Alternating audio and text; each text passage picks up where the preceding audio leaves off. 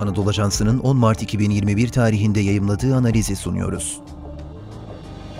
Suudi Arabistan-ABD ilişkileri Kaşıkçı raporu sonrasında nereye evrilecek? Yazanlar Ahsen Şerif ve Sayit İbicioğlu. Seslendiren Halil İbrahim Ciğer. 26 Şubat'ta Biden yönetimi 35 yaşındaki Suudi Veliaht Prens Muhammed Bin Selman'ın Suudi gazeteci Cemal Kaşıkçı'nın kaçırmasını veya öldürmesini onayladığı yönünde ABD istihbarat raporunu yayımladı. Suudi Arabistan, terörle küresel savaş ve dünya piyasasındaki petrol fiyatları gibi iki ülke için önemli olan konular başta olmak üzere birçok alanda ABD'nin önemli bir müttefiki ve ortağı konumunda. Ayrıca İran'ın ABD'nin çıkarlarına doğrudan ve dolaylı tehditleri, Kızıldeniz ve Basra Körfezi üzerindeki enerji güvenliği, Filistin-İsrail arasındaki barış konusuyla İsrail ile Arap devletleri arasındaki normalleşme konularında da Washington'la Riyad işbirliği içinde.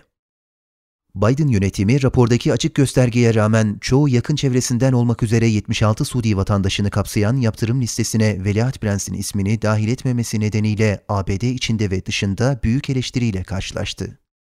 ABD istihbaratının Kaşıkçı cinayetine ilişkin raporunun kamuoyuna açıklanmasının ardından Dışişleri Bakanı Antony Blinken, Kaşıkçı yasağı olarak adlandırdıkları bir programla yabancı ülkelerin adına ve ülkelerinin dışında muhalifleri tehdit edenlere ABD vizesinin verilmesini kısıtlayacaklarını duyurdu. Raporun yayınlanan 4 sayfasında doğrudan Veliaht Prens'i suçlayan bir kanıt bulunmuyor. Ancak raporda Bin Selman'ın Haziran 2017'de Veliaht Prens olduğundan bu yana krallığın istihbarat ve güvenlik hizmetleri üzerinde mutlak kontrole sahip olduğu ve Suudi yetkililerin Bin Selman'dan yeşil ışık almadan böyle bir operasyon gerçekleştirmesinin oldukça düşük bir olasılık olduğuna dikkat çekildi. ABD'nin bölgede Suudi Arabistan'la koordinasyona ihtiyacı var. ABD'nin Orta Doğu ile ilgili petrol fiyatları ve terörle savaş gibi küresel boyuttaki bazı konuların yanı sıra Yemen'deki savaşı sona erdirecek bir çözüme diplomatik yollarla varılması konusunda da Suudi Arabistan'la koordinasyona ihtiyacı sürecek. ABD ayrıca İran'la müttefik grupların saldırıları karşısında Suudi Arabistan'ı topraklarını savunmada desteklemeye kararlı.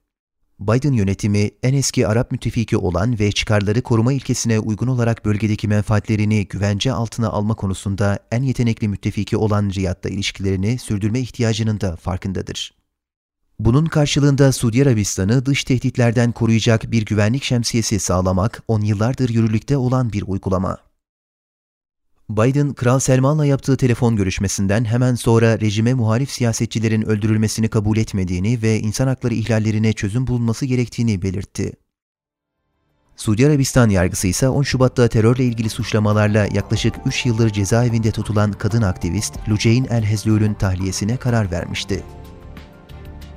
ABD'nin Suudi Arabistan'ın güvenliğini İran kaynaklı dış tehditlere karşı savunmaya devam edeceğine dair güvenceleri ve bu durumun her iki ülkenin çıkarları için ortak bir tehdit olduğu göz önüne alındığında istihbarat raporu açıklamasının ilişkilerine gözle görülür bir zarar vermediği düşünülüyor. Suudi Arabistan yönetiminin önemli rolü, Biden yönetiminin İran'ın nüfuzunu azaltma, Yemen ve Irak'taki İran'ın müttefik güçlerinin ABD çıkarlarına yönelik tehditlerini durdurma ve Arap-İsrail normalleşmesini destekleme çabalarının odak noktası olmaya devam edecek. Spotify, SoundCloud, Castbox, Apple Podcast ve Google Podcast mecralarındaki podcastlerimizi dinlediğiniz için minnettarız. Lütfen abone olmayı unutmayın.